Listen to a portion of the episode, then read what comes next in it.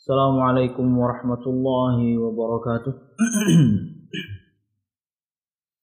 إن الحمد لله نحمده ونستعينه ونستغفره ونعوذ بالله من شرور أنفسنا ومن سيئات أعمالنا.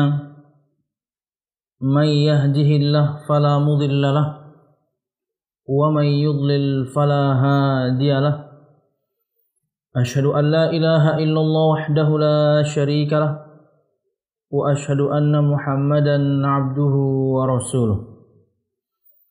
قال الله تعالى في القرآن الكريم أعوذ بالله من الشيطان الرجيم. يا أيها الذين آمنوا اتقوا الله حق تقاته ولا تموتن إلا وأنتم مسلمون.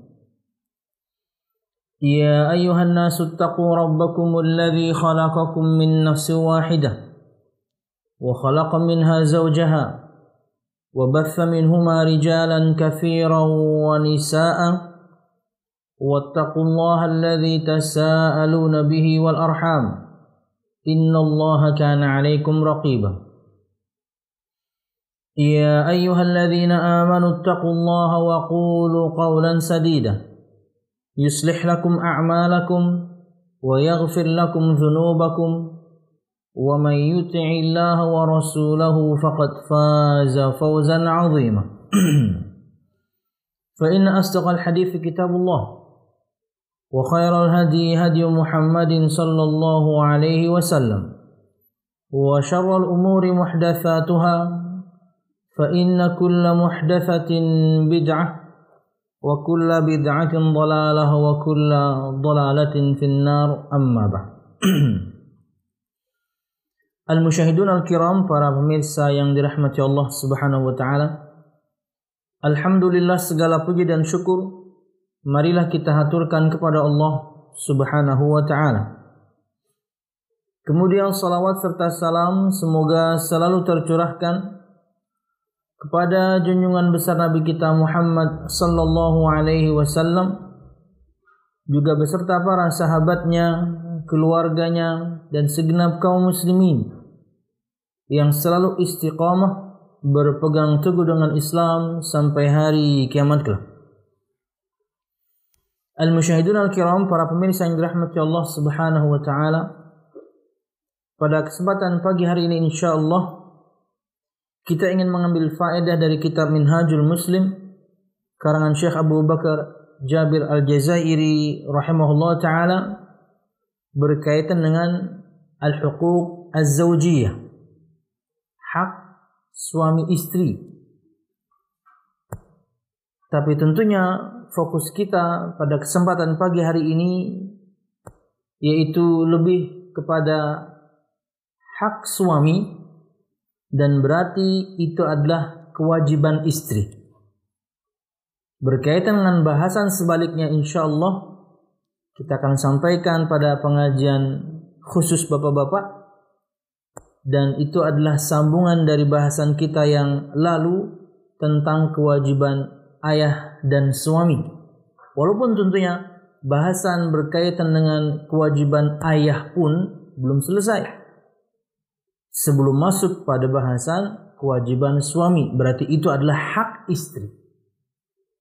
Tapi fokus kita pada kesempatan pagi hari ini berkaitan dengan hak suami dan itu adalah kewajiban istri.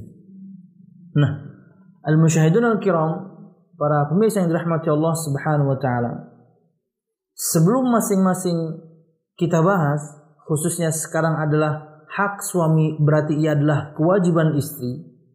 Dan mungkin di pertemuan yang ini adalah hak istri dan berarti adalah kewajiban suami. Sebenarnya ada al-hukuk al-mushtarakah. Ada hak yang suami dan istri bersyarekat padanya. Maksudnya harus sama-sama menunaikan kewajiban. Hingga kemudian nanti sama-sama mendapatkan haknya.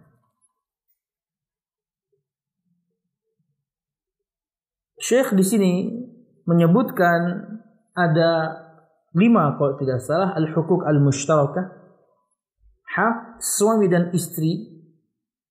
Di mana masing-masing mereka harus menunaikan uh, harus ya harus mendapatkan hak tersebut. Di sisi yang lain harus menunaikan kewajiban. Tapi sama.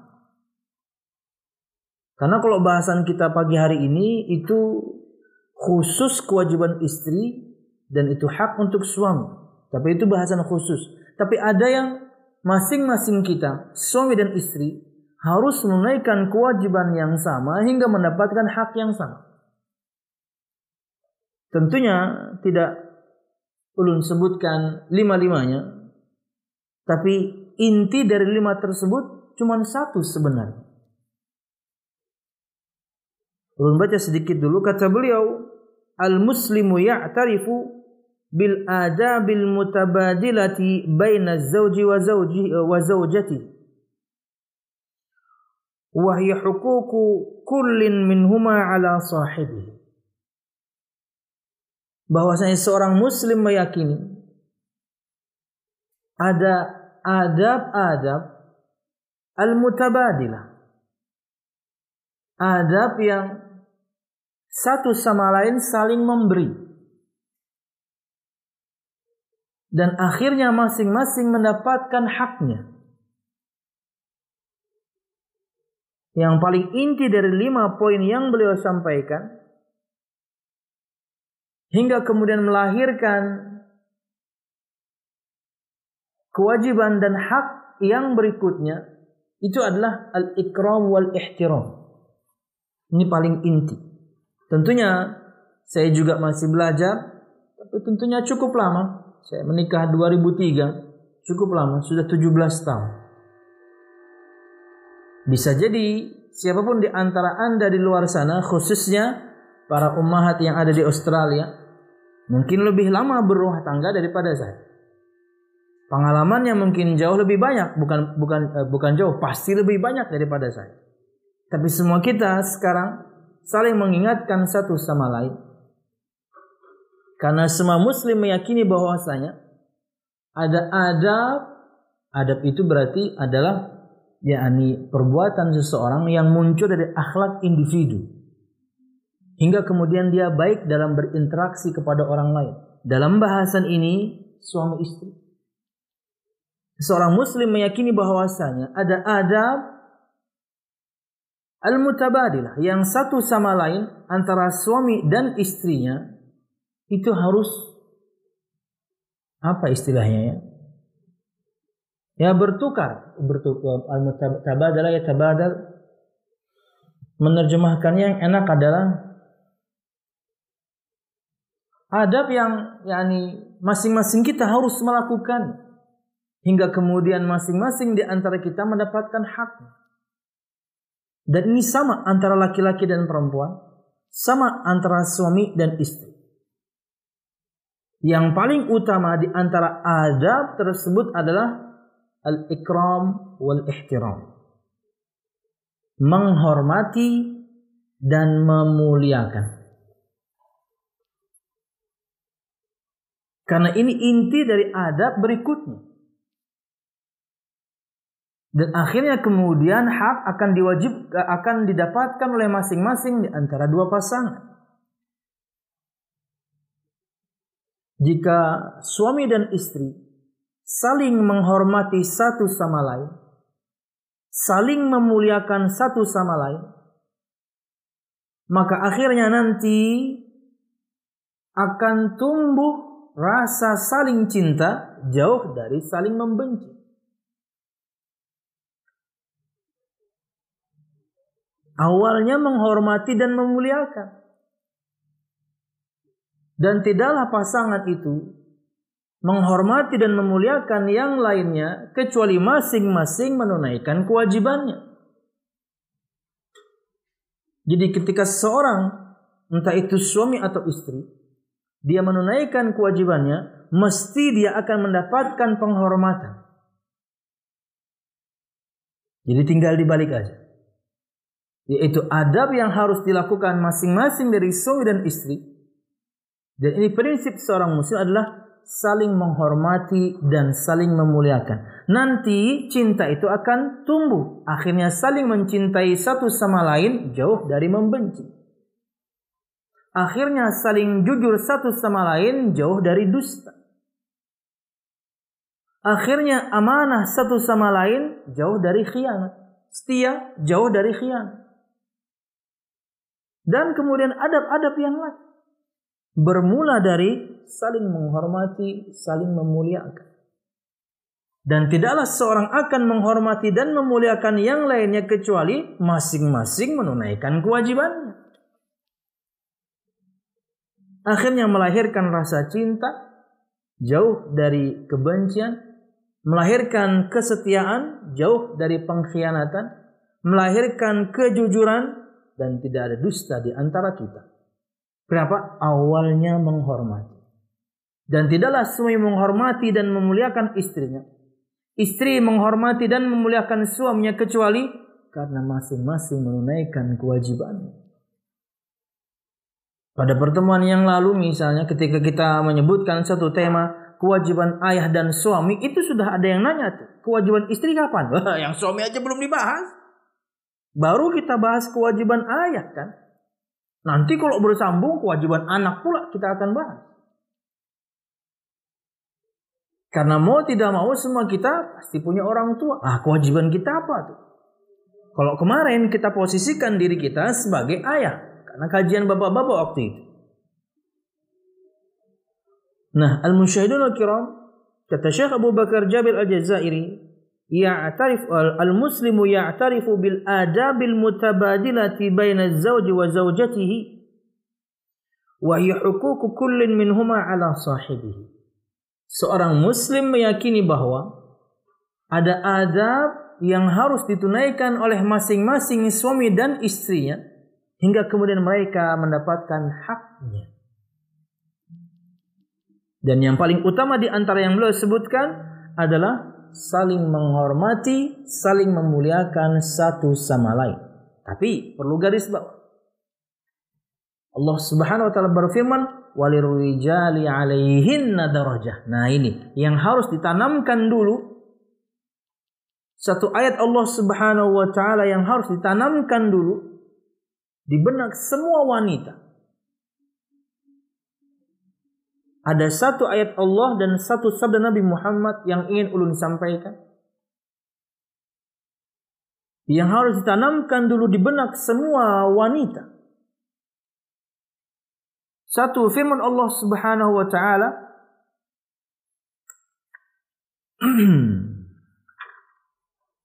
dalam surah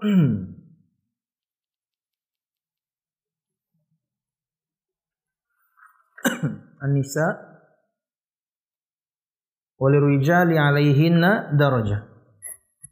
Dan bagi kaum laki-laki para suami alaihinna darajah di atas kaum wanita artinya istri atau para istri darajah ada satu derajat lebih tinggi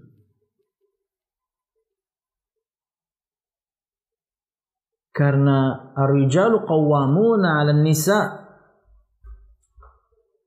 kaum laki-laki itu para suami itu pemimpin untuk para perempuan istri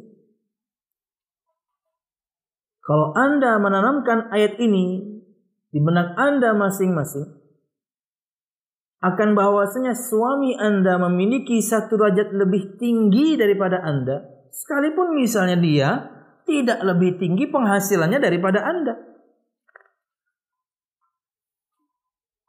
Sangat mungkin kemudian misalnya dua-duanya bekerja dan si istri memiliki penghasilan lebih banyak. Jangan sampai penghasilan Anda yang lebih banyak membuat hormat Anda kepada suami Anda jadi berkurang. Kenapa? Karena Anda tidak menanamkan ayat ini di benak Anda. Sorry bukan An-Nisa, Al-Baqarah ayat 228. Allah Subhanahu wa taala berfirman, "Walahunna mithlu alladhi 'alayhinna bil ma'ruf walirrijali 'alayhinna darajah." Yang artinya adalah dan para wanita mempunyai hak yang seimbang dengan kewajibannya menurut cara yang ma'ruf Ketika mereka menunaikan kewajibannya, mereka harus mendapatkan haknya. Akan tetapi para suami mempunyai satu tingkat kelebihan daripada istrinya. Nah ini yang harus Anda tanamkan. Agar Anda nanti bisa memuliakan suami Anda. Sekalipun misalnya dia tidak lebih banyak penghasilannya daripada Anda. Bahwasanya suami Anda itu pemimpin bahwasanya suami Anda itu adalah memiliki satu derajat lebih tinggi di mana Anda harus menghormati. Anda harus memuliakan.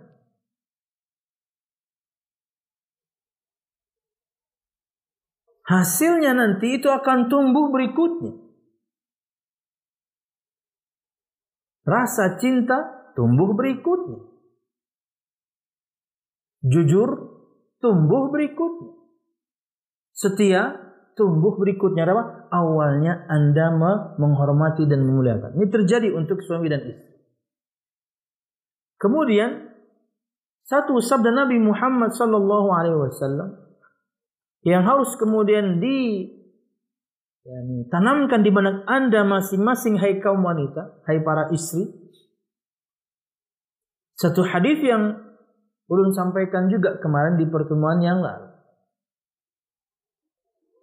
bahwasanya dengan satu sabda ini pun cukup agar Anda semuanya hai kaum wanita para istri untuk memuliakan, menghormati suami-suami Anda. Pada pertemuan yang lalu sebutkan bahwasanya tugas suami itu sangat berat. Perintah dari Allah Subhanahu wa taala untuk menyelamatkan Anda dan anak-anaknya. Hai para istri. Makna dari firman Allah Subhanahu wa taala, "Qu anfusakum wa ahlikum nar." Hai orang-orang yang beriman, selamatkanlah diri kalian dan keluarga kalian dari siksa api neraka. Keluarga di sini adalah istri dan anak. Makanya tugas suami itu berat, Makanya tugas seorang ayah itu berat. Kenapa? Menyelamatkan anak dan istrinya dari siksa api neraka. Satu ayat yang cukup untuk membuat semua kita menghormati ayah kita. Satu ayat yang cukup untuk membuat Anda, hai para wanita, untuk menghormati suami-suami Anda. Plus hadis ini. Tanamkan hadis ini selain ayat yang tadi Al-Baqarah 228 walirijali alaihinna darajah dan untuk para suami laki-laki memiliki satu derajat lebih tinggi dibandingkan para istri atau wanita. Camkan itu. Karena kalau tidak, Anda tidak akan menghormatinya. Ah, kita kan setara. Ah, saya kan lebih berpenghasilan daripada kamu. Selesai sudah itu rumah tangga. Kenapa Anda tidak menghormatinya?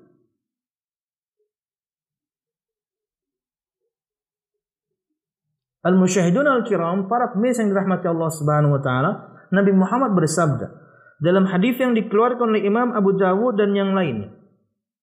Kata beliau sallallahu alaihi wasallam, "Lau kuntu amiran ahadan ay yasjuda li ahadin, la amartul mar'ata an tasjuda li zawjiha." Seandainya aku dibolehkan untuk memerintahkan seseorang bersujud kepada orang lain selain Allah, pasti aku perintahkan wanita untuk bersujud kepada suaminya. Tapi kan nggak boleh. Cuman kalau boleh aja nih. Kalau boleh, ya ini yang perintah saya. Kata Nabi Muhammad, jika boleh, ya inilah yang aku akan perintahkan. Bahwasanya istri itu sujud sama suami. Dan sampai sekarang itu dipraktekkan oleh orang-orang Hindu ya. Harusnya kayak gitu, tapi nggak benar. Salah sebenarnya. Menghormati bukan dengan sujud. Menghormati itu dengan, nah ini. Kita akan bahas hari ini.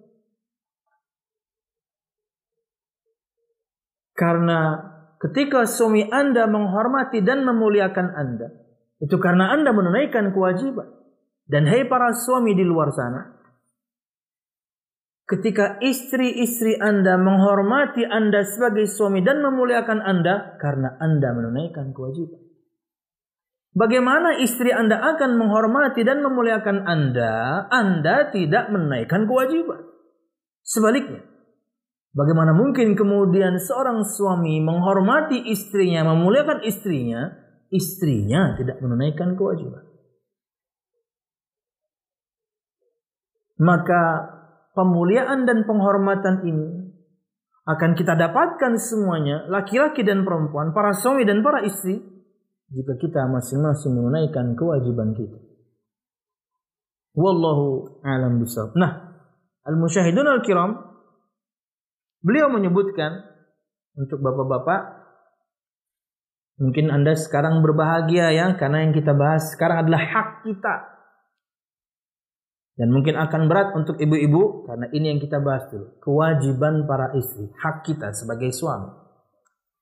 Tapi nanti bapak-bapak juga kita akan sampaikan pada mereka kewajiban mereka dan itu hak istri yang harus mereka dapatkan.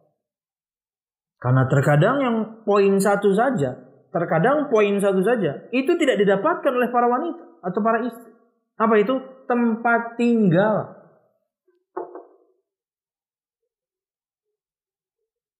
Gak mesti harus beli rumah, nggak ngontrak. Nggak apa-apa ngontrak. Tapi mereka punya tempat tinggal sendiri, punya tempat tinggal terpisah. Jangan Anda paksa istri Anda tinggal sama Anda plus dengan mertuanya, bapak ibu Anda. Berat untuk mereka. Kecuali istri Anda memang orang yang sangat penyabar. Oh, itu kenikmatan untuk Anda hai para suami. Punya istri sangat sabar, mau tinggal dengan Anda dan kemudian mertuanya, yaitu orang tua Anda. Oh, itu luar biasa. Surga sudah itu istri Anda mau tinggal sama Anda tapi di rumah orang tua Anda. Itu nikmat luar biasa dapat istri kayak gitu. Tapi rata-ratanya mereka ingin terpisah. Betapa banyak terjadi masalah dan naudzubillah berakhir pada perceraian. Kenapa? Karena Anda tinggal serumah dengan mertua. Entah si laki-laki tinggal bersama mertua, istri di rumah orang tuanya, atau sebaliknya. Dan ini yang lebih banyak. Karena terkadang para wanita itu berat untuk menolak. Apalagi misalnya kata suaminya, saya anak satu-satunya. Orang tua saya sudah tua. Kamu ikut saya. Nah ini bicarakan sejak sebelum nikah. Sebelum semuanya terjadi nih, hai akhwat di luar sana. Ini di antara yang harus Anda bahas ketika Anda nazar. Ini di antara yang harus Anda katakanlah ribut dulu di depan sebelum kemudian terjadi yakni khidbah. Waktu nazar ini obrolkan. Apa akhi?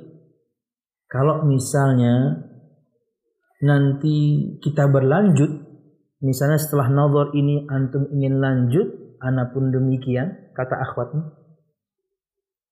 Insya Allah misalnya berakhir pada khidbah eh, eh, eh, berlanjut pada khidbah dan berakhir pada pernikahan. Antum siapkan anak rumah atau anak ikut antum. Di rumah antum dan orang tua. Bahas dari pertama. Ribut aja duluan. Daripada nanti sudah nikah baru kemudian dibongkar. Perempuan bingung. Kasihan mereka. Gimana ya? Karena ketika wanita itu sudah menikah, suami dia itu nomor satu, orang tua dia nomor dua. Tapi ketika laki-laki menikah, orang tua dia tetap nomor satu, istri nomor dua. Kasihan wanitanya. Kemudian mereka jadi bingung. Banyak perceraian na'udzubillah terjadi. Awal mulanya itu karena seperti itu. Nah untuk para wanita. Jika pada waktu Anda ribut itu ketika nazar, dia mengatakan, untuk sekarang Anda belum mampu kasih antum tempat tinggal. Plus di saat yang sama, orang tua anak sangat membutuhkan anak karena anak anak satu-satunya atau cuman anak yang ada di kota ini bersama orang tua, saudara anak semuanya di luar kota. Silahkan antum pertimbangkan. Enak jadinya ngomong ngobrol di awal. Akhirnya perempuannya punya pertimbangan.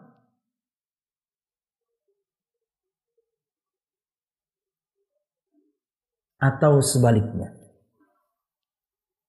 Dan ini berkaitan dengan izzah, kehormatan, muruah sebagai seorang laki-laki. Kasus sebaliknya. Ketika ribut di awal, akhi, Anda sepertinya ingin lanjut dengan antum.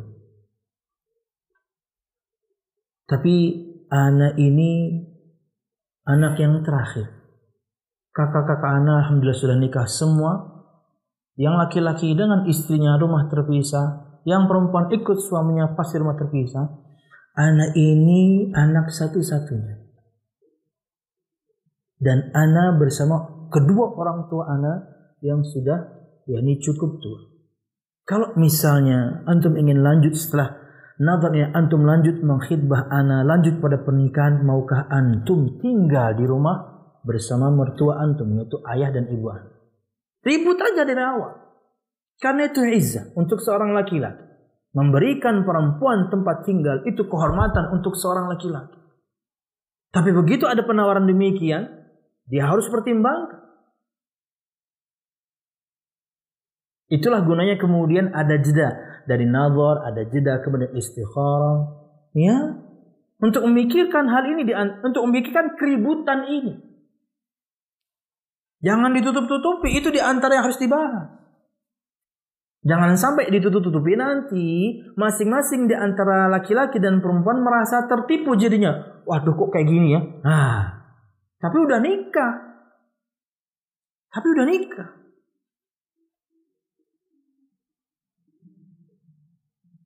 sudah nikah bahkan sudah bercampur. Sebagian wanita subhanallah ketika dia nikah dia dalam keadaan sangat subur. Di pekan pertama dia tahu dia hamil. Tapi tak taunya suaminya mengatakan, di kita tinggal di sini dulu ya sampai anak kita lahir. Wah, lah pusing, langsung keguguran. Eh. Ribut aja di awal dulu. Mohon maaf istilahnya ribut maksudnya diobrolin baik-baik. Tapi saya sebutkan isinya dengan ribut di awal aja. Jangan entar-entar.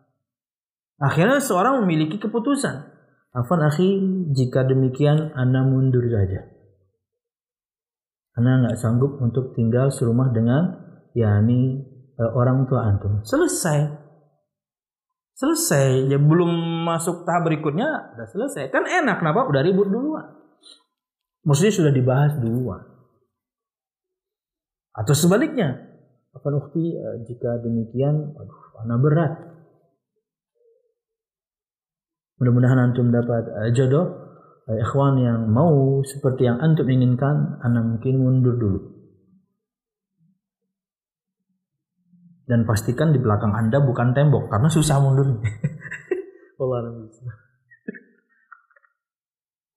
Oke lanjut.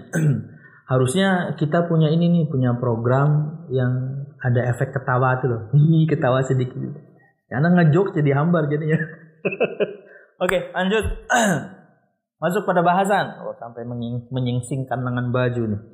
Kata beliau sorry. Sebelum masuk pada bahasan kita sebutkan tadi pada perkara pertama atau pada bahasan pertama tentang al, al yani al adab al mutabadilah. Adab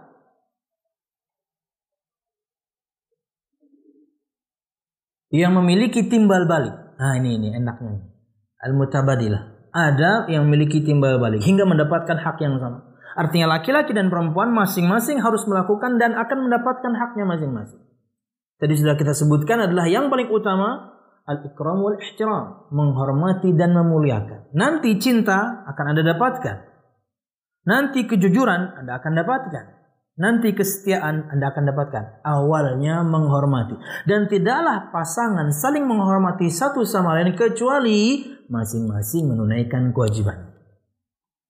Perhatikan sabda Nabi Muhammad sallallahu alaihi wasallam dalam hadis yang dikeluarkan oleh Imam uh, Ibnu Majah kata beliau sallallahu alaihi wasallam ala inna lakum ala nisaikum haqqa wa linisaikum alaikum haqqa yang artinya adalah ingatlah bahwa kalian mempunyai hak terhadap istri-istri kalian yang harus kita dapatkan berarti kewajiban istri itu bahasan kita hari ini Dan istri-istri kalian pun punya hak terhadap kalian. Mereka harus dapatkan hati kewajiban kita para suami. Itu kita bahas nanti.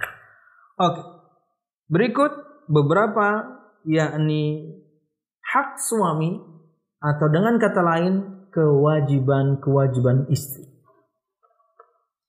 Yang pertama, kata beliau rahimahullah taala يجب على الزوجة نحو زوجها القيام بالحقوق والآداب الآتية الأول طاعته في غير معصية الله قال تعالى فإن أطعنكم فلا تبغوا عليهن سبيلا. وقول رسول الله صلى الله عليه وسلم إذا دعا الرجل امرأته إلى فراشه فلم تأته فبات غضبان عليها لعنتها الملائكة حتى تصبح. وقوله صلى الله عليه وسلم لو كنت آمرا أحدا أن يسجد لأحد la amartul mar'ata an tasjuda li zawjiha. Kewajiban istri yang pertama. Istri berkewajiban atau memiliki kewajiban yang harus dia tunaikan terhadap suaminya yaitu dengan melaksanakan yakni adab-adab berikut ini. Yang pertama kata beliau mentaatinya dalam hal-hal selain kemaksiatan kepada Allah Subhanahu wa taala. Ini nomor satu.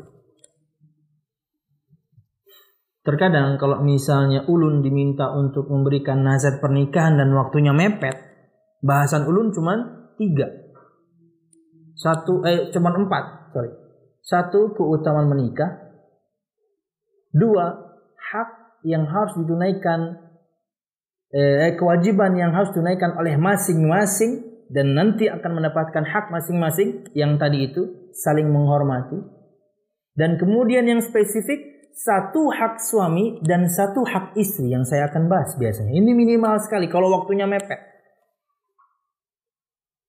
Dan yang ulun pilih dari semua banyak poin hak suami yaitu kewajiban istri ini taat suami. Dan kalau uh, hak istri dan berarti kewajiban suami yang paling sering ulun sampaikan satu di antara yang banyak adalah pergauli dia dengan baik. Perkataan dan perbuatan yang lembut. Karena waktunya mepet. Kalau waktunya luas, dikasih waktu setengah jam gitu. Wow, ulun bahas tuh lebih luas tuh. Tapi kalau mepet gitu ya seperti kultum doang, ya ini aja keutamaan nikah, al-hukuk al-mutabadilah, baru kemudian masing-masing satu hak dan kewajiban. Mentaatinya dalam hal-hal selain kemaksiatan kepada Allah Subhanahu wa taala harus taat suami. Selama itu bukan maksiat kepada Allah, itu kewajiban Anda hai para istri. Dan itu hak suami yang harus dia dapatkan. Selama mereka memerintahkan Anda untuk men, uh, untuk melakukan sesuatu dan itu adalah di luar kemaksiatan kepada Allah, taati. Tapi hai para suami, jangan atas namakan ketaatan atau jangan atas namakan kemudian kedurhakaan, sorry. Ketika Anda memerintahkan istri Anda sesuatu, dan dia tidak mentaatinya padahal perintah andalah yang salah. Sama juga untuk para orang tua, jangan atas namakan kedurhakaan. Ketika anak Anda tidak mau mentaati Anda padahal perintah Anda yang salah. Kamu ini anak durhaka, lah perintah kamu maksiat, kamu yang salah. Kamu ini istri yang tidak tahu balas budi. Istri yang tidak tahu terima kasih. Istri yang durhaka kamu. Padahal perintah kamu sebagai suami yang salah. Jangan mengatasnamakan ketaatan. Eh, jangan mengatasnamakan kedurhakaan. Padahal perintah kita yang salah. Kata Nabi Muhammad SAW, La ta'ata li makhlukin fi maksiatil khalik. Tidak ada ketaatan kepada makhluk untuk bermaksiat kepada Allah Subhanahu wa taala. Enggak ada.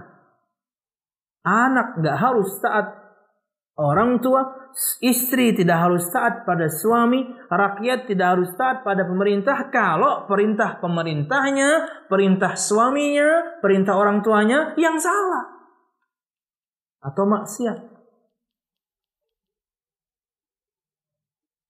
Kenapa ini ulun sampaikan? Karena memang ada keluhan. Bagaimana seorang suami mengatasnamakan kedurhakaan padahal dia menginginkan sesuatu yang haram dari istri. Belum sebutkan saja deh, nggak apa-apa nih. Ingin menggauli istrinya di belakangnya. Bukan dari belakang, di belakangnya. Istrinya nggak mau.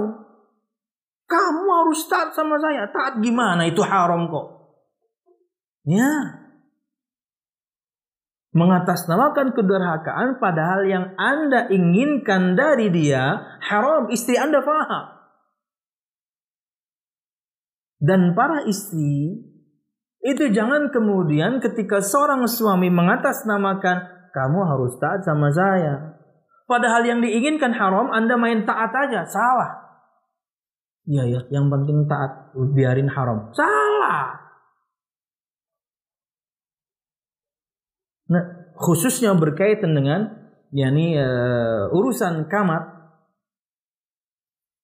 dibuka lebar dalam syariat Islam ya. Karena tidak sedikit kasus perceraian terjadi ketika diusut ya urusan kamarnya nggak sehat. Ini penting. Selain juga tadi urusan mertua. Ini juga yang paling banyak.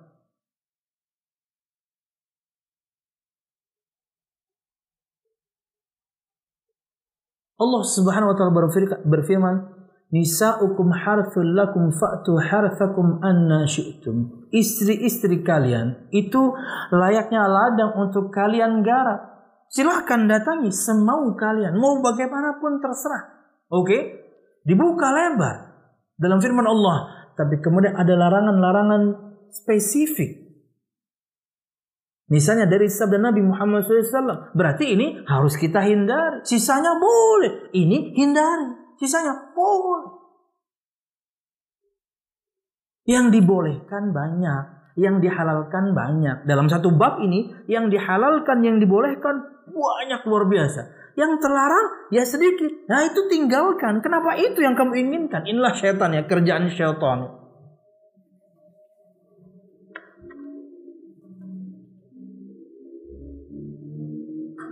Gak tahu tuh Bagaimana hasilnya? Jelas? Yani ketika dia bertanya apakah saya harus taat? Ya tentu tidak jawaban. Tinggal Anda bicarakan baik-baik yakni kepada yakni suami Anda. Ini perkara yang haram. Saya tidak wajib mentaati kamu karena yang kamu inginkan adalah sebuah keharaman. Dan kamu jangan mengatasnamakan ketaatan. Harus taat kamu padahal yang kamu inginkan haram. Dan jangan katakan saya istri durhaka karena saya tidak mentaatimu karena yang kamu inginkan haram. Allah dan Rasulnya nomor satu, kamu nomor dua. Ya, tapi sampaikan dengan baik ya. Karena laki-laki dengan izzahnya, laki-laki dengan kemuliaan dan uh, egonya, saya bilang egonya saja. Enggak bisa kemudian Anda seperti Anda yakni menekannya, merendahkannya enggak enggak. Jangan seperti itu. Karena laki-laki ya dengan egonya, ulun pun merasakannya nggak bisa di, ya ini kemudian seperti didikte sama enggak. Muliakan dia tapi dengan bahasa yang baik. Kalau bisa dikatakan monster ya monster ya. Misalnya dalam diri laki-laki itu ada monster namanya ego. Kasih dia makan. Kasih dia makan. Maksudnya berbicara dengan baik. Afan suamiku yang kamu inginkan ini melanggar perintah, melanggar ya ini menerobos larangan Rasulullah SAW. Bahkan bisa jadi di saat yang sama, mungkin dia sebelumnya belum tahu mungkin. Tapi ya harusnya tahu sih. Ya, seorang itu harus belajar bukan cuma urusan agama saja. Urusan yang seperti ini, adab sama istri dia pun harus tahu. Hingga kemudian tidak melanggar yakni uh, tidak menerobos larangan Allah dan juga Rasul. Yang halal banyak. Ini yang jadi masalah kalian. Makanan begitu, minuman juga begitu. Yang halal seabrek. Tapi kenapa bahas yang dilarang? Hah? Kenapa anda kok penasaran banget dengan yang dilarang? Hah? Yang halal banyak. Dan yang banyak ini pun belum anda rasakan semua. Pit, pernah makan daging sapi wagyu nggak? Nggak pernah. Terlepas dari perdebatan misalnya. Kita katakan dia adalah daging yang halal. Karena disebutkan di Jepangnya sana, Pit itu uh, diberi minum pakai sake. Sake itu adalah ya arak, araknya Jepang. Sake, Jepang ya. Nani? Sakenya Jepang. Katakanlah misalnya uh, dia di uh, sudah diamankan dari minuman itu mis sebelum dikirim ke Indonesia uh, sudah dikarantina dulu berapa ya? Berapa hari itu ya? Ketentuannya adalah ketentuannya dalam syariat. Sama seperti misalnya kayak ikan ditambak kemudian mereka makan yang nggak layak maka ada masa karantina sebelum kemudian dijual ke warung-warung antum kasih bangke ayam udah mati gitu ya. Uh, bukan ayam sudah dipotong pada mati maksudnya ayam bangke antum cincang kasihkan lele dimakan sama lele. Dimakan sama lele kalau bisa ngomong-ngomong dia wah ayam nih kan gitu ya kapan-kapan kita makan unggas katanya harus dikarantina dulu. Oke, katakanlah harus dikarantina. Nah, ente kan belum pernah rasakan halal loh. Katanya sih enak banget. Di sini katanya ada, tapi mahal. Ya, itu baru daging sapi. Daging kijang pernah nggak, Bet? Belum, halal juga, Bet. Surya, sudah belum? Ah, belum makan daging kijang belum. Ana pernah, emang enak, mahal tapi. ya, yang halal tuh banyak dan belum kita rasakan semua cappuccino, jengkol pernah nggak tuh? Eh nggak ada tuh. Jenis-jenis minuman banyak banget. Apalagi wuh yang berbau Thailand. Wuh, sana sini jual semuanya. Ya ini uh, apa? Uh, Thai tea. Antum kalau ke Thailand jangan jangan nyari itu. Saya pengen Thai tea. Antum diketahui antum lagi di Thailand nyari teh Thailand. Uh, maksudnya yang halal banyak. Makanankah, minumkanlah. Yang diharamkan tuh cuma sedikit. Itu yang dicari sama orang. Ya Allah, iblis emang ya. Jangan. Yang halal banyak. Silahkan nikmati. Makanan, minuman, kendaraan, berhubungan. Yang halal luas. Wallahu alam bisa. Lanjut. Nah, ini berdasarkan firman Allah Subhanahu wa taala dalam surah An-Nisa ayat 34 fa in ata'nakum fala tabghu 'alaihinna sabila. Kemudian jika mereka mentaatimu, maka janganlah kamu mencari-cari jalan untuk menyusahkannya. Nah, ini istri sudah baik banget. Semua perkara ketaatan kepada Allah, dia taat kepadamu sebagai suami. Tapi kamu aja yang cari-cari bikin istri susah. Cari-cari cara supaya nanti kemudian dia punya salah hingga kamu ingin menceraikannya. Oh jangan, dia udah taat sama kamu. No. Dan rata-rata wanita melakukan ini. Ya, yang tidak taat sangat sedikit. Sangat sedikit. Kalau pakai persentase sangat sedikit. Alhamdulillah rata-rata wanita ketika sudah menikah mereka tahu ini, mereka tahu kewajiban ini, taat pada suami. Tapi ingat, yang banyak tidak tahu itu taat semuanya harus taati. No, kalau dalam kemaksiatan kepada Allah tidak ada ketaatan. Lanjut. Juga berdasarkan sabda Nabi Muhammad sallallahu alaihi wasallam yang artinya adalah dalam sebuah hadis yang dikeluarkan oleh Imam Bukhari juga Muslim. Jika seorang suami mengajak istrinya ke tempat tidur untuk bercampur tentunya, lalu si istri tidak memenuhinya bukan dengan alasan yang syar'i. Dia tidak memenuhinya karena malas saja. Dia tidak memenuhinya karena enggak mood aja. Dia tidak memenuhinya dengan alasan dibuat-buat aja. Bukan alasan yang syar'i. Maaf suamiku, saya sedang sakit. Maka kalau demikian alasan yang syar'i. Dan para suami harus paham. Istri sakit, bawa ke dokter. Istri sakit, ya kasih obat misalnya. Sabar sedikit nanti ketika sembuh kan bisa. Bahkan disebutkan hatta walau ala tanu. Ketika suami ingin istrinya lagi sibuk di dapur. Istrinya eh suaminya sudah ngasih kode gitu ya. Ya dengan mungkin kedipan mata gitu ya atau apalah. Terserah bagaimana perjanjian Anda ketika menikah. Dek, kalau saya kasih kode seperti ini berarti itu ya. Ah, paham dia. Suami ngasih kode gitu mungkin kodenya seperti orang kelilipan gitu ya, siang-siang ting ting ting. Tinggalkan. Nah, tapi matikan dulu kompornya, matikan dulu. Dia lagi ini.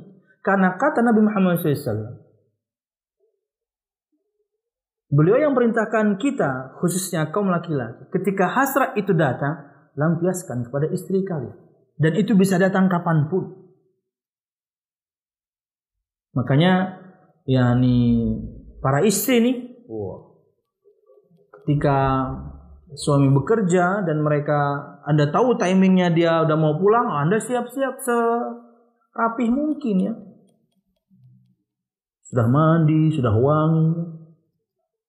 Karena ketika Anda membukakan pintu untuknya, semua yang seharian tadi yang ada di benaknya, dari banyak hal yang mungkin dia tidak bisa lepas darinya di kantor misalnya, Hilang semua lah. Wah, bidadari ada di rumah kok.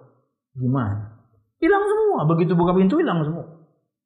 Dan para bapak-bapak ingat, jangan sampai salah rumah. Pulang salah rumah. Pastikan rumahnya. Ini ujian untuk uh, yang tinggal di perumahan dan rumahnya sama. Anda harus kasih tanda rumah Anda khusus supaya jangan salah rumah gitu. Ngetok rumah betul-betul kita yang buka. Masya Allah, cantik sekali kamu hari ini. Maaf pak, bapak salah rumah. Ha, salah rumah kan. Rumah tetangga yang anda ketok. Ya.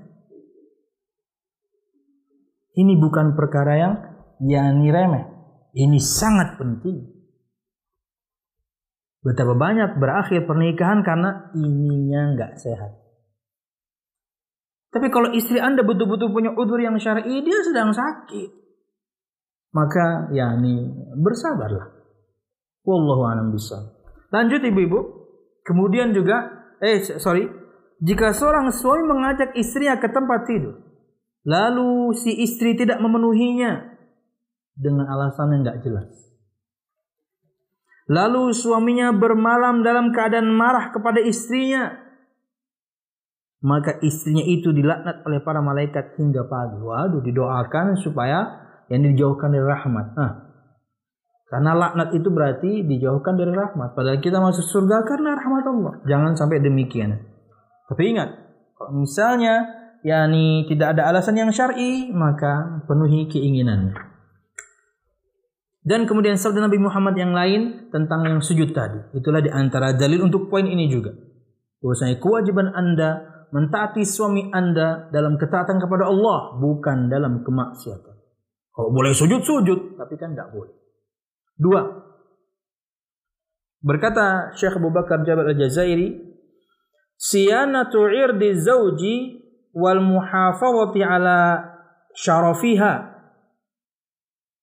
wa ri'ayatu malihi wa waladihi wa sa'iri syu'uni manzilihi." Liqauli ta'ala فالصالحات قانتات حافظات للغيب بما حفظ الله. وقال الرسول صلى الله عليه وسلم والمرأة راعية على بيت زوجها وولده. وقوله صلى الله عليه وسلم فحقكم عليهن ألا يطئن فرشكم أو فرشكم من تكرهون. ولا آه، ولا يأذن في بيوتكم لمن تكرهون لمن تكرهون. ولا يأذن في بيوتكم لمن تكرهون. Yang kedua, di antara kewajiban istri dan ia adalah hak suami memelihara harga dirinya dan menjaga kehormatannya. Tembok terakhir aib para suami itu istri. Kalau istrinya yang bocor, selesai. Kalau isu di luaran, namanya juga isu. Kalau fitnah di luaran, namanya juga fitnah. Tapi kalau yang udah ngomong, bini laki-laki itu, selesai udah. Jadi isu-isu yang di luaran, fitnah-fitnah yang di luaran, ketika ditabayuni, ini beritanya dari mana? Bininya ngomong begitu, ah selesai udah laki-laki. Kenapa? Tembok terakhir aibnya itu ada pada istrinya. Begitu juga istri, tembok terakhir aib istri ada pada suami. Suaminya bocor, istrinya bocor, selesai, banjir. Memelihara harga diri dan menjaga kehormatan suami. Eh, Jeng, suami saya itu, nah udah kalau hejeng, nah udah pengen ngeluh aja udah. Makanya tidak sedikit sebagian akhwat ketika ingin menceritakan masalah suaminya, saya langsung potong biasanya. Afwan. Kalau antum punya masalah, bicarakan baik-baik. Kalau misalnya mentok, maka cari orang ketiga yang dipanuti oleh suami Anda. Mungkin orang tuanya, mungkin ustadznya. Saya tidak mau dengar Anda mengeluh akan aib suami Anda. Saya langsung potong. Karena dia mesti mau mencoba untuk membongkar semuanya. Karena nanti kalau saya konfrontir, saya juga punya keburukan istrinya banyak. Akhirnya gibah, akhirnya semua keburukan orang di kepala saya. Saya mendingan saya pusing mikirin materi daripada masalah rumah tangga orang. Afan ukti. Gak usah disebutkan. Antum punya masalah, selesaikan. Dan jadikan bahan introspeksi kenapa antum dapat suami seburuk itu. Apa yang pernah kamu lakukan di masa lalu hingga kamu kok dapat suami buruk? Introspeksi aja dulu. Gak usah kemudian membela diri dan menyalahkan orang. Introspeksi. Kenapa ya saya dapat suami buruk seperti ini ya? Mungkin kita dulu buruk. Atau masih buruk. Introspeksi aja. Ya. Walaupun walaupun untuk kasus yang demikian tapi kejadian sebelum nikah boleh Sebagaimana riwayat seorang wanita mendatangi Nabi Muhammad SAW bertanya kepada beliau mana yang harus dia pilih. Ada dua laki-laki ingin melamarnya. Yang satu nggak punya duit, yang satu suka main tangan, suka mukul. Aib dong, dua-duanya aib dong. Tapi dia minta fatwa kepada Nabi Muhammad untuk sebuah jawaban mana yang harus dia pilih. Ini pengecualian al-istifta.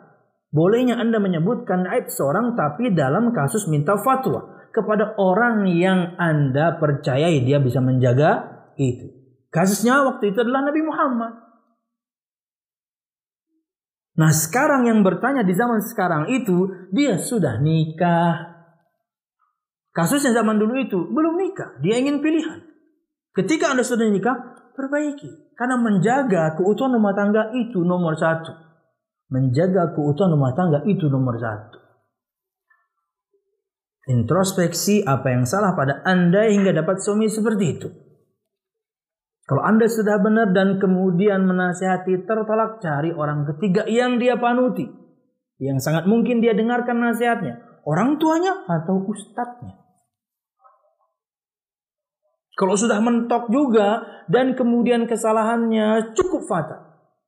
Entah akidah yang menyimpang atau adab kepada Allah atau adab kepada manusia yang menyimpang Dulu sholat sekarang nggak sholat lagi. Dulu memberikan nafkah sekarang nggak lagi. Dulu penyayang sayang sekarang main pukul. Ya. Maka jalan terakhir silahkan kemudian anda lalui. Tapi ingat itu jalan terakhir. Apa itu? Khulu. Tapi itu sangat tidak disarankan. Bersabar lebih baik. Tapi kalau sudah mentok sabarnya, ya mau bagaimana lagi dong? Wallahu Memelihara harga dirinya dan menjaga kehormatannya itu kewajiban istri. Menjaga harta dan anak-anaknya serta urusan rumahnya. Nah ini kewajiban istri. Menjaga kehormatan suami, menjaga hartanya, menjaga anak-anaknya, anak-anak Anda juga. Allah Subhanahu wa taala berfirman dalam surah An-Nisa 34, "Fas-salihatu qanitatun hafizatun lil ghaibi bima hafizallah." Sebab itu, maka wanita yang saleh, wanita yang saleh, atau salihah, ia yang taat kepada Allah lagi memelihara diri ketika suaminya tidak ada. Hafizatun lil ghaib memelihara dirinya ketika suaminya sedang goib, suaminya sedang nggak ada, tapi dia menjaga diri. Oleh karena Allah telah memelihara mereka. Lanjut. Kita sampai zuhur kan bu ya? Oh masih lama berarti ya. Eh, siap. Hmm. Oke. Okay. Kemudian sabda Nabi Muhammad SAW artinya ketika anda menjaga kehormatan diri anda. Ketika ketika suami anda tidak ada Allah jaga anda. Ini di antara sifat wanita yang soleh. Ini kalau dibaca tafsirnya panjang. Tapi inilah yakni sebagaimana anda memelihara diri anda dalam ketaatan kepada Allah Subhanahu ketika khususnya suami tidak ada Allah jaga anda. Inilah sifat wanita yang saleh Kemudian kata Nabi Muhammad SAW dalam sebuah hadis yang dikeluarkan oleh Imam Bukhari juga Muslim. Beliau SAW bersabda wal mar'atu ra'iyatun ala baiti zawjiha wa waladihi dan wanita adalah pemimpin di rumah suaminya dan terhadap anak-anaknya. Ini untuk para suami. Kalau sudah berkaitan dengan urusan rumah tangga, banyak ngalah aja udah. Ya, banyak ngalah aja. Misal nih, misal Anda bikin rumah, ikutkan istri dalam bahasa. Ketika istri tidak Anda ikutkan dalam bahasan bangun rumah, ketika rumah jadi, bikin dia kemudian ikutkan dalam bahasa. Dek, silahkan pilih warna untuk temboknya. Karena dia yang paling banyak di rumah. Gitu ya kak? Iya. Cuman ya jangan aneh-aneh juga, jangan warna hitam deh. Rumah jangan warna hitam. Sakit mata nanti. Saya pengen uh, warnanya standar aja lah kak. Apa itu ya? Krem aja lah. Nah, sip. Hordennya di, warna apa? Ya kalau kremnya cocok rada-rada coklat lah kak. Oh silakan. Bagus. Ya karena dia yang lebih sering di rumah, biarkan dia yang menikmati lebih banyak. Jangan kemudian ego mengalahkan semuanya. Ini rumah saya yang bangun ya. Saya yang nentuin semuanya. Iya, saya suka warna merah, tembok merah. Saya suka warna hitam, hordennya hitam. Bu, saya juga juga warna apa gitu. Ini lantai nih. Jangan. Kenapa Anda mungkin sering keluar, Anda sering bepergian di rumah dia, uh, sakit matanya. Temboknya merah, hor hordennya warna hitam. Perabot rumah tangga semuanya hitam. Ketika kotor nggak kelihatan. Dasar suami pemalas. Ya, berikan dia. Karena dia yang ngurus semua dari para suami. Ulun ya, bukan berarti saya yang terbaik enggak. Waktu itu qadar Allah alhamdulillah dapat rezeki untuk DP untuk uh, kredit mobil di koperasi syariah. Itu kita voting. Padahal kalau saya pengen, saya pengen warna yang saya sukai. Tapi voting. Uh, suka apa warna apa? Gimana kalau ini? Habis itu anak-anak warna apa? Ya, sampai seperti itu. Kenapa? Karena mereka juga ini menikmati walaupun yang paling banyak makan nanti kita sebenarnya. Tapi ketika mereka diikut sertakan, padahal itu sering kita yang make penghormatan, pemuliaan akan jauh lebih banyak Anda dapatkan. Kenapa? Padahal Anda sering banyak yang pakai, tapi Anda minta pendapat. Kalau rumah, oh dia udah lepas aja udah. Wallahu a'lam bisa. Wallahu a'lam bisa. Waktu itu uh, silver dan putih dan silver yang menang ya. Voting ya. Kemudian sabda Nabi Muhammad SAW yang lain.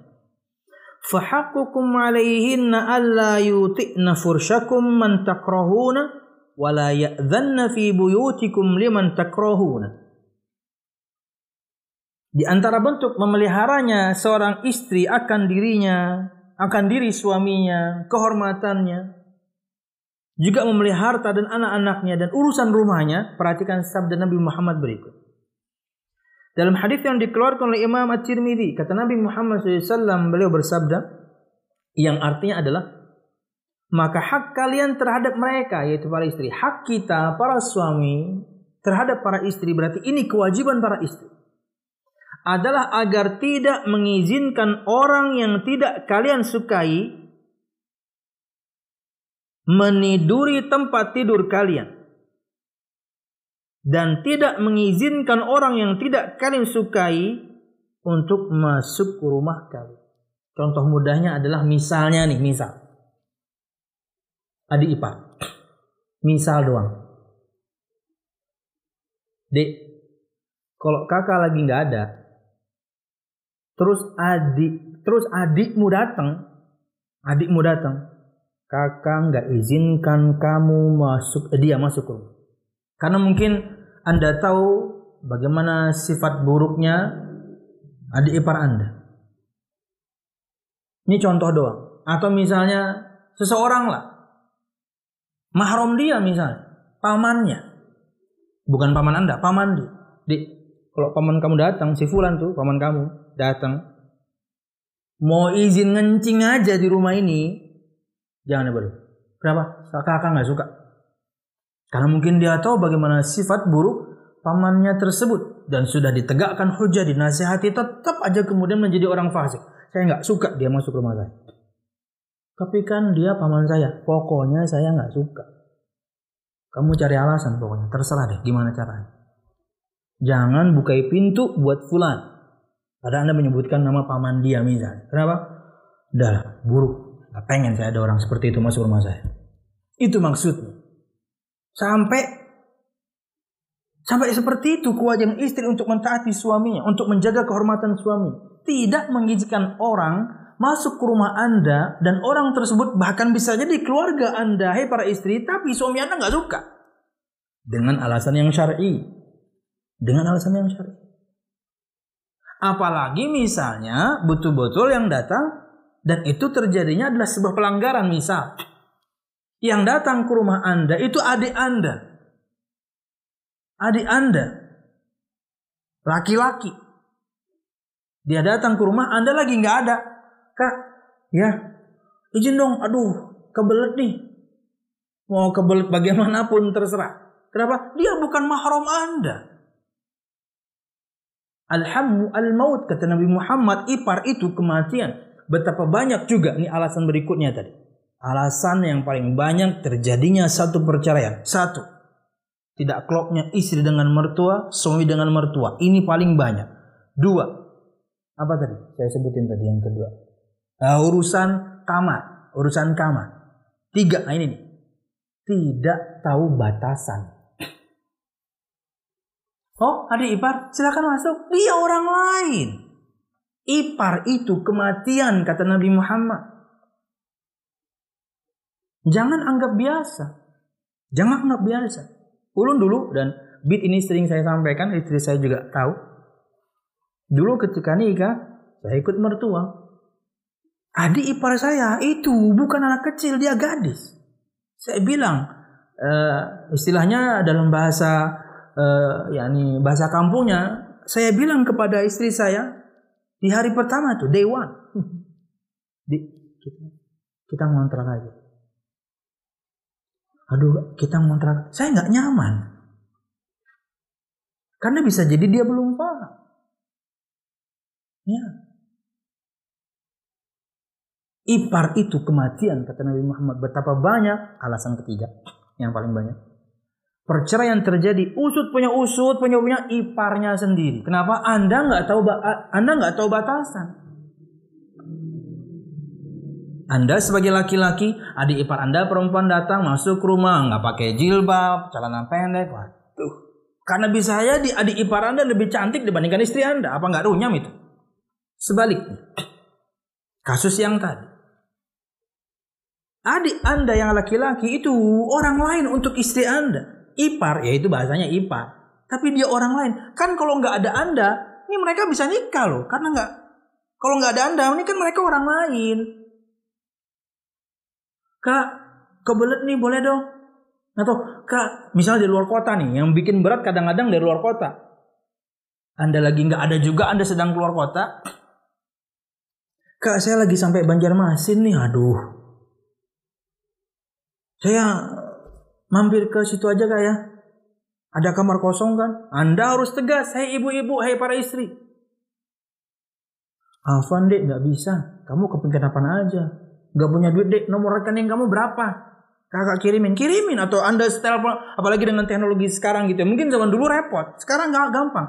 Kak, tolong kirimkan uang untuk adikmu. Dia datang ke kota kita. Dia pengen ke rumah, tentunya kamu pasti nggak kasih izin. Saya pun nggak akan kasih izin. Tolong kirimkan dia uang. Untuk apa? Ah, biar dia ke hotel kayak ke penginapan kayak. Siap, bu langsung kirim. Enak zaman sekarang, zaman dulu kan repot. Misalnya repot. Apalagi misalnya zaman pager aja repot juga. Apalagi nggak ada telepon waktu itu. Anda harus yang punya ketegasan.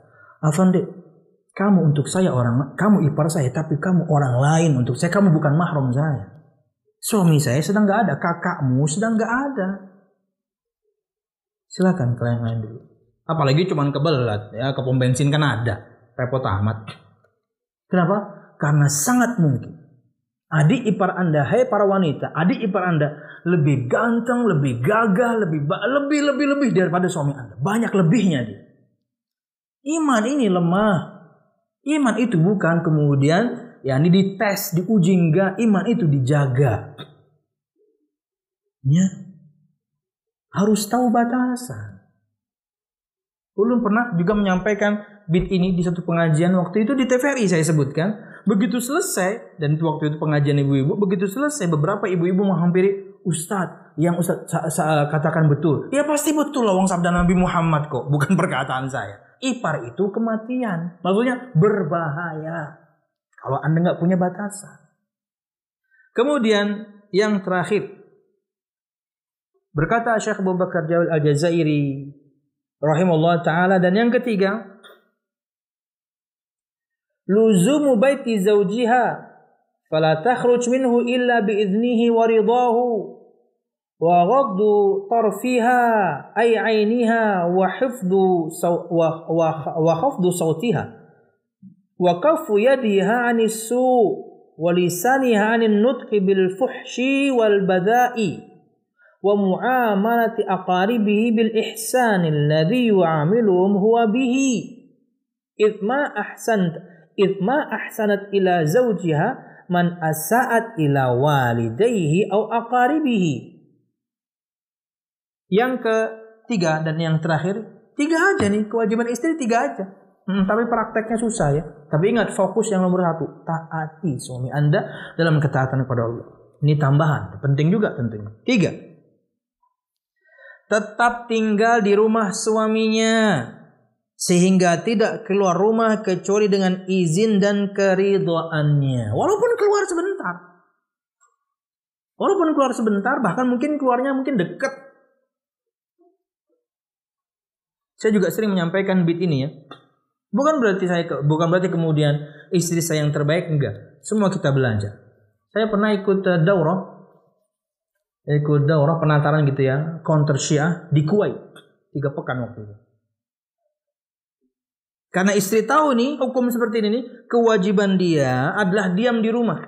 Tapi kalau pengen keluar, ya izin dulu. Apalagi sekarang zaman handphone gampang, tinggal WhatsApp, tinggal SMS, tinggal telepon. Video call pun murah. Saya pengen ke rumah mama. Rumah emaknya cuma 200 meter. Dia nggak bilang juga dekat nggak apa-apa sebenarnya, tapi dia bilang itu di sini nih di hati ini nih, aduh, nikmat luar biasa. Kenapa? Istri pamit. Kak, pamit sebentar ya, mau beli sarapan. Padahal tinggal beli aja, tapi dia pamit. Aduh, nyamannya. Kak, mau ke warung depannya. Padahal nggak izin nggak, nggak apa-apa. Warung depan doang, jalan kaki nyampe. Jaraknya itu jarak kita ngeludah. Deket banget maksudnya warungnya. Subhanallah. Di sininya suami itu, aduh, kenapa istriku memuliakanku, istriku menghormatiku. Keluar rumah yang deket aja, yang harusnya nggak apa-apa. Lawang deket, tetap dia izin. Kenapa keluar rumah? Dia minta kerelaan suami. Wah ini luar biasa. Walaupun anda kalau misalnya repot gitu ya, anda pengen jamak ya nggak apa-apa. Mungkin anda ngobrol di awal, kak saya kalau ke warung fulani nggak nggak izin tiap hari nggak apa ya nggak apa deh ya, nggak ngomong aja dari awal karena mungkin tiap hari anda bakal ke situ beli mie goreng, beli telur, beli tepung, pisang goreng, nah gitu-gitu ya, deket-deket lah. Nggak apa-apa. Ngobrol aja dari awal. Tapi kalau udah jauh, oh bilang, harus bilang. Supaya suami anda nggak khawatir. Tiba-tiba ada telepon masuk, Bapak, Bapak Herul ya? Ya, waduh Pak, istri Bapak ini tabrakan. Wah, gimana kita? Sudah gitu kita jantungan lagi. Dia tabrakan, kita mati juga jantungan. Huh, mati. Kenapa nggak bilang sih? Coba bilang kita ada ya ini ada persiapan lah ya. Duh mudahan dia sampai tujuan. Enak karena bilang. Ketika sampai pun, Alhamdulillah kak sudah sampai rumah abah. Ah, enak sini. Kalau enggak kita khawatir. Kita lagi di kelas belajar nih. Belajar untuk Islam. Aduh sudah sampai belum dia ya. Jadi ingat nih para istri. Kalau sudah sampai tujuan bilang. Walaupun deket. Mm -mm, murah cuma 250 perak SMS. Murah kok. Bilang aja ya. Oke lanjut tetap tinggal di rumah suaminya sehingga tidak keluar rumah kecuali dengan izin dan kerelaan dari uh, dari suami dan di, yang disertai dengan menundukkan pandangan. Nah, keluar rumah tundukkan pandangan? Banyak laki-laki di luar pasti lebih ganteng dari suami anda. Tundukkan pandangan. Sama juga dengan laki-laki nanti bahasanya laki-laki ya. Ini sekarang perempuan dulu ya. merendahkan suara. Bukan berarti menghalus-haluskannya, ngomong biasa aja. Kalau memang harus ngomong, ngomong biasa aja, nggak usah dihalus-halusin. Dan jangan juga kemudian digede-gedein. Air galon habis nih misalnya air galon habis nih. Anda nelpon tukang galon, nggak usah dihalus-halusin. Ah, bisa nggak usah, biasa aja datar aja. Juga jangan dilaki-lakin. Wah, bisa nggak bak antar galon? Nggak biasa aja, santai. Santai. Bagaimana aslinya suara Anda saja. Disertai dengan menundukkan pandangan merendahkan suara, menahan diri dari berbuat buruk. Nah ini, menahan diri dari berbuat buruk. Terkadang andanya sudah menahan diri. Ah, ini nih. Teman-teman sekitar anda kadang-kadang kurang menahan diri. Apalagi misalnya, Jeng, suami kamu lagi nggak ada di rumah ya? Iya nih, saya ke situ ya. Ada apa? Ih, ada gosip banyak. Ah, ini. Yang lain yang bikin repot ini. Ih, padahal anda sudah menjaga diri, keburukan datang maka harus punya sikap tegas ya. Eh silahkan kalau mau ke rumah. Tapi kalau pengen ngobrolin aib orang gak usah ke rumah aja deh. Iya. Wallah bisa. Karena masing-masing kita punya aib. Ngapain ngurusin aib orang ya. Menahan diri dari berbuat buruk. Menahan lisan dari perkataan kotor. Bisa lisan, bisa tulisan. Anda refleksi suami Anda. Kasihan kalau misalnya karena Anda buruk, Ya suami anda ikut buruk. Bini siapa sih itu? Kan gitu orangnya. Bini siapa sih itu? Gitu amat tulisannya. Eh, iya. Karena anda nggak menjaga diri. Tidak menjaga lisan dari perkataan korban. Tidak menjaga uh, jari jemari dari tulisan yang tidak pantas. Ya, pikirkan itu. Suami juga sama. Suami juga sama. serta senantiasa memperlakukan kerabat suami dengan baik sebagaimana sikap suami terhadap keluarganya terhadap mereka. Karena tidaklah seorang istri dianggap telah berbuat baik terhadap suami jika ia berbuat buruk terhadap orang tua dan kerabat suami. Selama dalam batasan. Untuk contoh yang tadi, itu pengecualian dong. Dia ingin berbuat baik tapi sorry kamu bukan mahram. Pengen berbuat baik lawang adik iparnya kok, keluarganya kok, tapi bukan mahram. Silahkan kamu ke tempat lain. Wallahu a'lam bishawab. Kita tutup dengan beberapa firman Allah Subhanahu wa taala juga sabda Nabi Muhammad SAW. Allah berfirman dalam surah Al-Ahzab ayat 33, ayat dan hadis yang menopang poin ketiga ini. Allah berfirman dalam surah Al-Ahzab 33, "Wa qarna fi buyutikunna wa la tabarrajna tabarrujal jahiliyatil ula."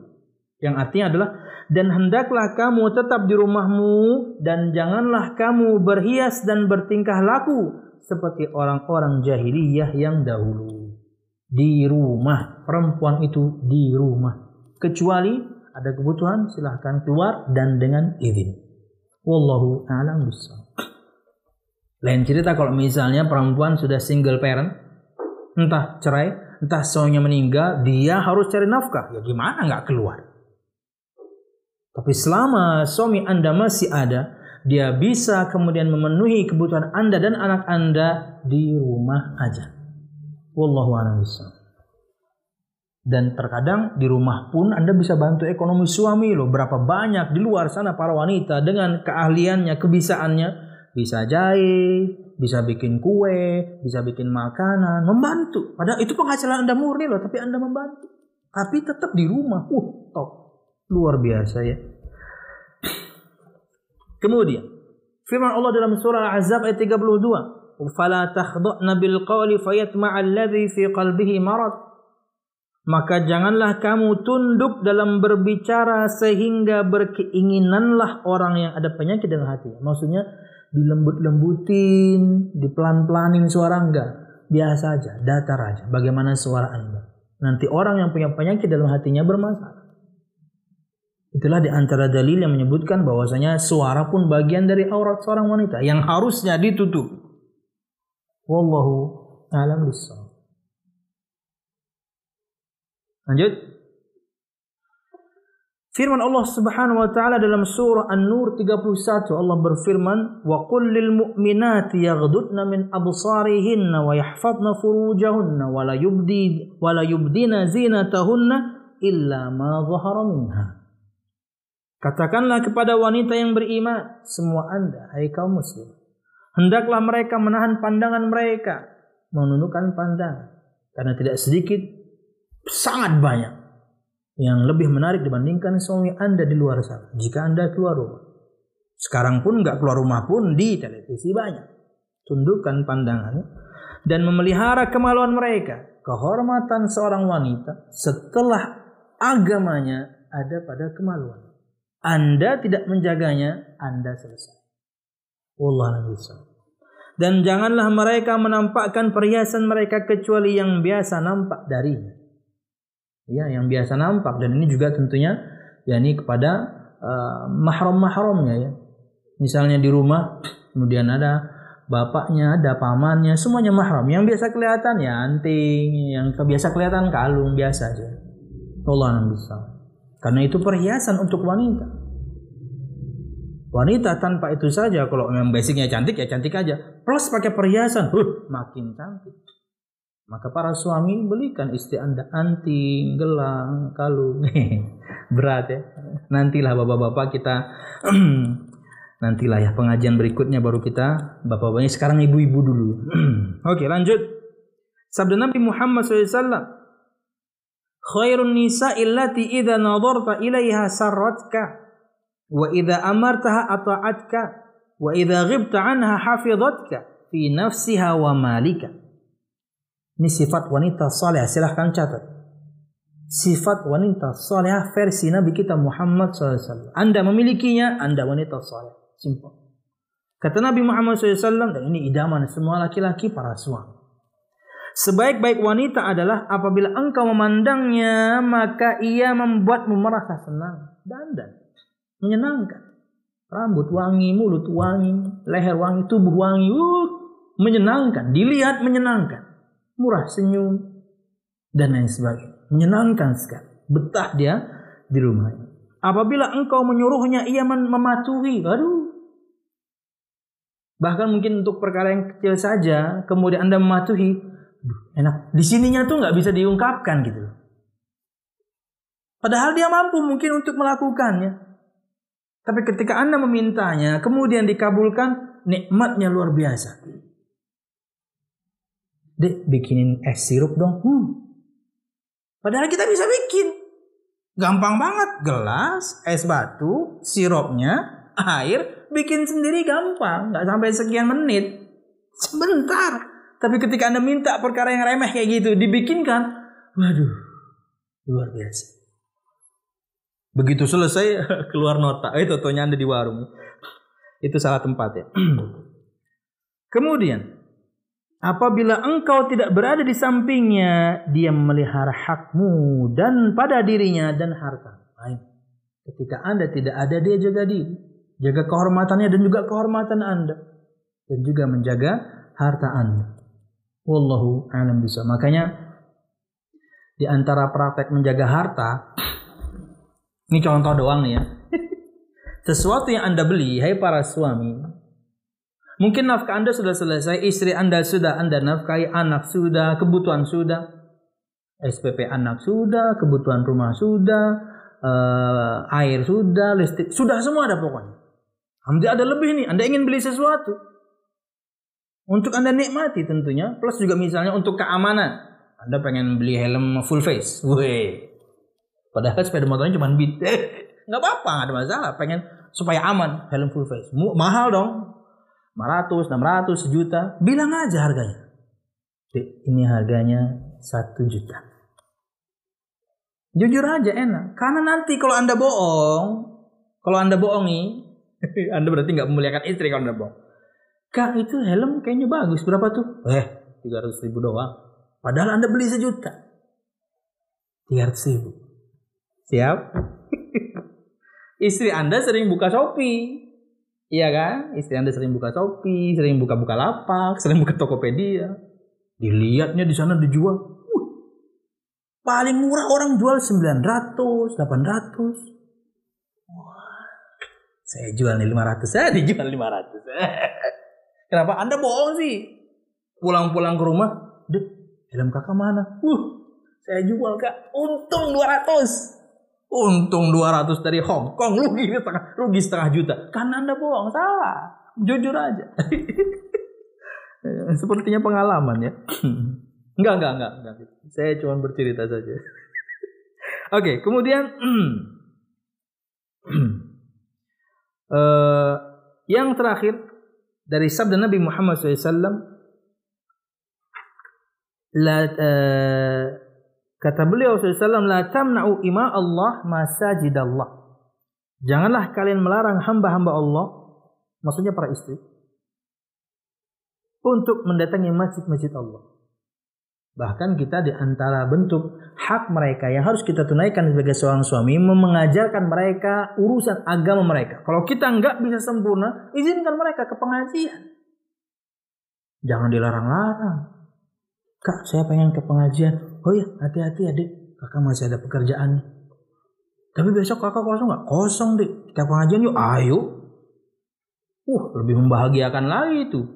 Suami istri uh, ke pengajian sama-sama pengajiannya maghrib dari asar dia udah berangkat karena apa bakso dulu aduh mantep bakso dulu pulang mie goreng lagi jadi pengajian dapat gendut dapat ya wallah bisa ini yang bisa kita sampaikan uh, sudah mulai ngelantur soalnya mudahan bermanfaat sadar dan khilaf saya mohon maaf mudahan kajian kita diberkahi Allah subhanahu wa ta'ala amin ya rabbal alamin untuk perkara yang tadi para suami dilarang untuk melarang wanita yang pengen ke masjid kata Nabi Muhammad wa idza sta'dhanat imra'atun wa idza sta'dhanat imra'atu ahadikum ila al-masjid fala yamna.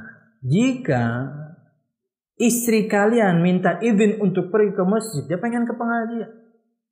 Maka jangan larang mereka, jangan larang dia. Karena bisa jadi dari kita para suami nggak bisa maksimal memberikan pengetahuan agama untuk mereka. Silahkan ngaji. Wallahu bisa. Makanya ketika istri ngaji, suami juga harus ngaji. Biar nanti seimbang.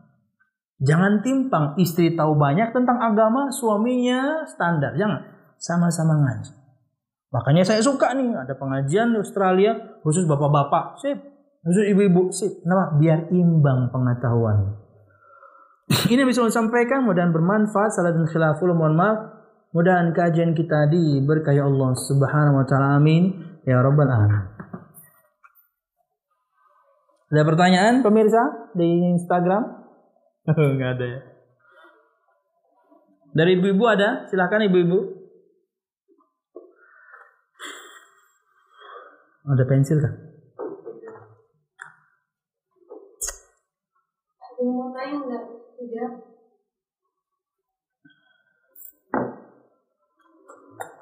Punya berapa lagi waktu kita? Cukup dulu ibu-ibu. Mantap. Oh silakan silakan silakan ibu. dari ayat bisa kami jelaskan juga ustaz kita keadaan di mana kondisi suami kadang masih belum maksimal memberi contoh yang baik ke anak-anak di rumah Apakah ini bisa dibilang ujian istri atau bagaimana Ustaz? Siap. Makasih. Uh, Al-Musyahidun Al-Kiram para pemirsa dan juga khususnya ibu-ibu yang ada di Australia. berkaitan dengan seorang suami yang mungkin pengetahuan agamanya belum mumpuni, maka para istri harus bersabar. Ayat itu tetap di benak Anda semuanya. Mereka pemimpin, mereka harus Anda taati, mereka harus Anda hormati, tapi dalam bab tertentu mereka kurang. Anda harus sabar. Dan jangan kemudian untuk para suami. Anda nggak usah malu. Kalau kemudian istri Anda lebih paham, terima. Lawang Anda nggak belajar. Dia sudah belajar. Anda belum baca, dia sudah baca. Anda belum paham, dia sudah paham. Buka diri untuk para laki-laki. Jangan sampai kemudian karena kelalakian Anda, karena Anda pemimpin, Anda suami, pokoknya Anda benar terus. Enggak loh, Anda salah kok. Dalam perkara tertentu Anda belum tahu kok. Dalam perkara tertentu Anda belum paham kok. Welcome aja, kenapa? Istri Anda lebih paham. Bahkan sama untuk anak juga. Kalau kita sebagai orang tua, bisa jadi kemudian anak kita jauh lebih tahu. Dia mungkin lebih banyak ikut pengajian, lebih banyak nonton kajian, lebih banyak mencatat, lebih, lebih banyak dan lebih banyak. Ketika Anda bersalah dan cara mereka menasihati sudah benar. Mereka gunakan diksi yang tepat, timingnya tepat, ada kelembutan. Buka diri. Kenapa? Kita memang kurang. Kita memang nggak tahu. Kita memang belum tahu. Mereka sudah. Wallah bisa. Maka ini yang dituntut adalah kesabaran para anak menghadapi orang tuanya mungkin yang tidak lebih paham daripada Anda dan juga para istri untuk jauh lebih bersabar lagi karena suami anda mungkin kurang. Makanya al musyahidun kiram banyak akhwat itu, banyak akhwat itu ketika mereka minta kriteria mesti ini mesti ya. Berarti kalau mesti itu rata-rata ya. Pengen yang suaminya lebih tahu agama daripada dia. Supaya nggak jomplang seperti ini nanti. Di antara yang pertanyaan yang sering muncul ke ulun gitu ya, Ustadz, ikhwannya sudah berapa lama ngaji? Itu. Karena dia akan ngukur dengan dirinya. Dia mungkin baru satu tahun, baru dua tahun. Ikhwannya lima. Itu sudah pertimbangan kuat untuk dia. Oh, berarti lebih tahu daripada saya. Walaupun bukan jaminan mutu, enggak. Bisa jadi jangan ngaji lebih lama lima tahun tapi di pengajian tidur terus. Bisa aja. Cuman itu satu-satunya angle yang bisa dilihat oleh si akhwat dia ingin suaminya lebih tahu soal agama daripada dia. Ustaz, afwan Ustaz, Alhamdulillah saya ini penghafal Al-Quran.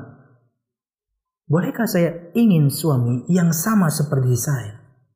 Bukan boleh, harus sama seperti Anda. Itulah di antara salah satu mana kufu al-kafa'ah, kesetaraan. Anda hafidhah, Anda penghafal Al-Quran, hak Anda untuk mendapatkan suami juga penghafal Al-Quran. Biar nggak timpang nanti. Uh, mas, ya dek, uh, saya mau tasmi ini, tolong dibenarkan kalau salah.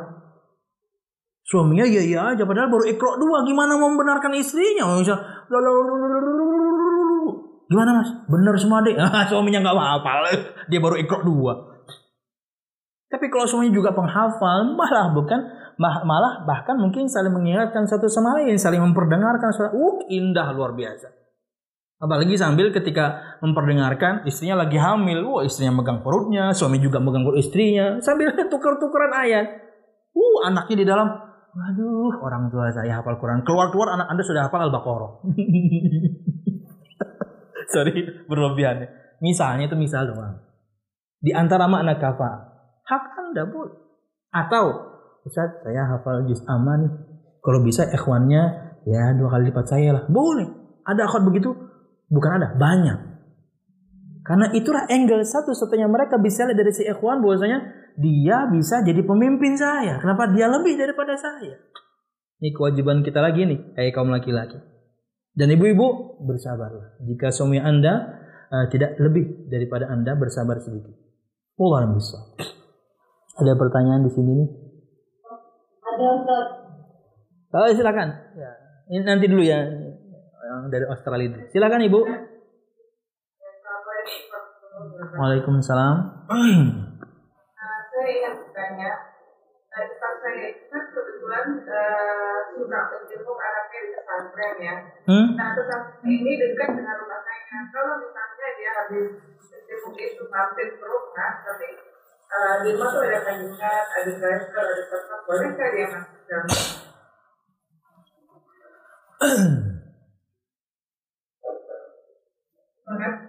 Siap. Eh,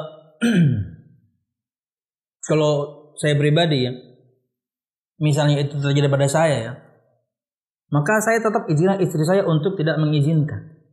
Karena dia orang lain untuk Anda. Sekalipun di rumah Anda ramai. Ada supir, ada tukang kebun, ada macam-macam. No. Dia masuk ke rumah Anda dan dia bukan mahram Anda. Inilah batasan yang harus dijaga. Ustaz, tapi nggak enak. Nah ini, sama-sama ketika kita belajar agama, dia juga harus paham. Akhirnya ketika dia paham, dia mungkin ya say hello saja. Dia paham bahwasanya suami Anda sedang tidak ada. Tapi dia sedang ada di kota Anda. Maka minimal dia say hello. Kak, eh, saya habis jenguk anak nih. Saya nggak mampir kak ya. Ya, kakak kan lagi eh, lagi nggak ada. Suamimu kan lagi nggak ada. Kakak saya kan lagi nggak ada. Iya nggak apa-apa deh. Enak jadi kenapa? Karena sama-sama sudah paham. Karena sama-sama sudah paham. Kalau belum, tugas kita untuk memahamkan. Pilih timing yang tepat, kata-kata yang tepat, agar dia tidak tersinggung. Dan jangan Anda yang menyampaikan, suami Anda sampaikan. Jangan Anda yang menyampaikan. Dia mungkin akan tersinggung. Biar suami Anda. Dek, kalau saya lagi nggak ada, kamu pas ngantar anak ke pesantren, rumah kan deket tuh. Gak usah ke rumah aja ya. Daripada gak enak. Kamu kan orang lain untuk istri saya. Tapi ya kalau kamu ingin kemudian ingin memuliakannya, memiliki adab kepadanya, nggak apa-apa silahkan. Saya hello telepon. Wallahu alam bisa. Wallahu alam bisa. Akan lebih baik Anda jaga batasan itu. Karena kita tidak tahu syaitan selalu bermain. Sabda Nabi Muhammad ketika menyebutkan ipar itu kematian berarti sangat berbahaya. Kita yang harus jaga diri. Banyak nggak enak. Kita itu terkadang banyak nggak enaknya, padahal itu berbahaya. Jadi harus dan sama-sama belajar. Nggak harus anda yang menyampaikan, suami anda yang menyampaikan. Wallah bisa. Berat ini berat awalnya. Mungkin anda akan ditujuh macam-macam. Anda akan ditujuh sok suci, anda akan ditujuh macam-macam. Tapi ingat, sampaikan dengan hikmah, dengan ilmu dan hikmah, dia akan terima. Wallah bisa. Karena di saat yang sama nanti misalnya, suami anda lah atau saudara dia, suami anda lah di kota adiknya, dia akan melakukan hal yang sama. Dia hanya say halo, kenapa? Adiknya lagi nggak ada di rumah. Wallahu alam bisa. Jadi jangan karena nggak enak kemudian kita melanggar syariat. Jangan karena nggak enak kemudian kita melanggar syariat. Segala hal yang bisa menghantarkan kepada sebuah kesalahan, naudzubillah misalnya kemaksiatan bahkan kita putus dari awal saja. Barakallahu fiikum. Mohon maaf berat mungkin tapi bukan tugas Anda. Biar suami Anda yang menyampaikan. Barakallahu fiikum. Ustadz, kalau ayah saya melarang ke ibu ke masjid karena corona gimana? Harus ditaati karena ada alasan. Larangan ayah Anda kepada ibu Anda untuk pergi ke masjid beralasan kuat, apalagi misalnya zonanya masih merah, apalagi hitam. Ya, kuning, kuning aja mungkin masih ada pertimbangan. Hijau mungkin agak lebih nyaman. Ini zonanya masih merah, zonanya hitam. Maka ibu Anda, hei istri, harus mentaati ayah Anda, yaitu suaminya. Kenapa? Karena suaminya melarang istrinya untuk ke masjid dengan alasan yang kuat. Dan itulah yang kemudian diajarkan oleh Nabi Muhammad SAW. Hujan lebat aja nih, hujan lebat aja. Membuat kita memiliki rukhsah keringanan untuk boleh tidak ke masjid. Ini laki-laki loh, hujan lebat aja. Padahal pakai mobil selesai. Apalagi misalnya masjidnya dekat, pakai payung selesai. Hujan doang. Apalagi kemudian yang kita bahas adalah wabah.